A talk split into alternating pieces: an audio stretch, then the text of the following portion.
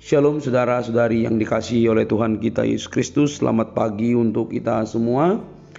Di pagi hari ini saya mengajak kita kembali untuk merenungkan kebenaran firman Tuhan dan kiranya kita terus boleh bersandar dan berdoa kepada Allah yang hidup.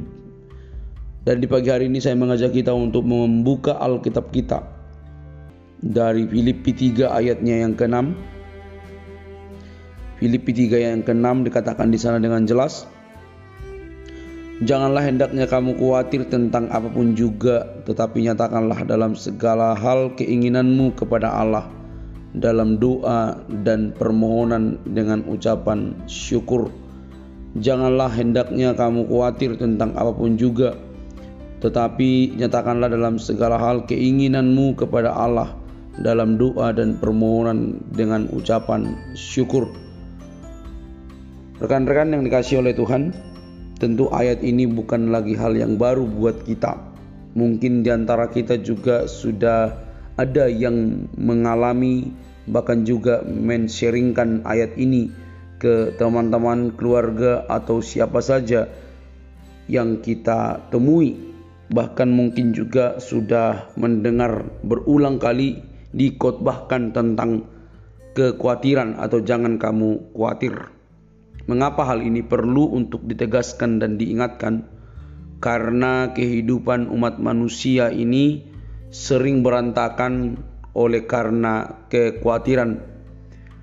Teman-teman, saudara-saudari, rekan-rekan yang dikasih oleh Tuhan, ada banyak orang karena kekhawatirannya justru meninggalkan Tuhan. Itu jelas terjadi. Kekhawatirannya justru membuat dia tidak taat tidak beribadah, bahkan bisa melukai orang lain atau bahkan bisa merugikan orang lain. Kekhawatiran itu bisa melilit seseorang, merantai seseorang. Oleh karena itu, sebagai orang percaya, kita harus lebih peka untuk menilai dan memisahkan bagaimana caranya supaya ketika kita mengalami kekhawatiran di dunia ini kita tidak terjebak ke dalam tindakan-tindakan yang merugikan kehidupan kita, relasi kita, khususnya kerohanian kita.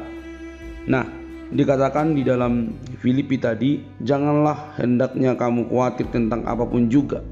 Saudara, ketika Paulus menyampaikan ini, zonanya dia atau situasi kehidupannya dia bukanlah situasi yang enak. Ya, itu penting untuk kita pahami latar belakangnya. Jadi ketika dia menyampaikan ini, keadaan Paulus bukan dalam keadaan enak, bukan dalam keadaan melimpah harta, uang, makanan, tidak seperti itu. Tapi di dalam keadaan yang sulit yaitu penjara. Dia di penjara tetapi dia masih bisa berkata kepada jemaat di Filipi, Janganlah hendaknya kamu khawatir tentang apa pun juga. Pertanyaannya, bagaimana mungkin seorang Paulus yang di penjara, yang terlihat kekurangan, mungkin juga disepelekan orang karena di penjara, tapi dia berkata, "Jangan hendaknya kamu khawatir." Apakah Paulus tidak khawatir? Mestinya dia khawatir karena dia di dalam penjara. Tetapi kenapa kok bisa dia berkata, "Janganlah hendaknya kamu khawatir tentang apa pun juga." Ini berbicara tentang Paulus sudah puas dan merasakan hadirat Tuhan dalam hidupnya. Tuhan sudah memelihara hidupnya sampai sejauh itu sekalipun dia di dalam penjara. Paulus merasakan hadirat Tuhan yang melebihi segala situasi kehidupan Paulus sehingga dia mampu berkata, "Janganlah hendaknya kamu khawatir tentang apa pun juga." Saudaraku, ingat baik-baik. Hanya orang yang mengalami kehadiran Tuhan dalam keluarga pribadi yang mampu bersyukur ketika ada kekhawatiran melanda hidup kita.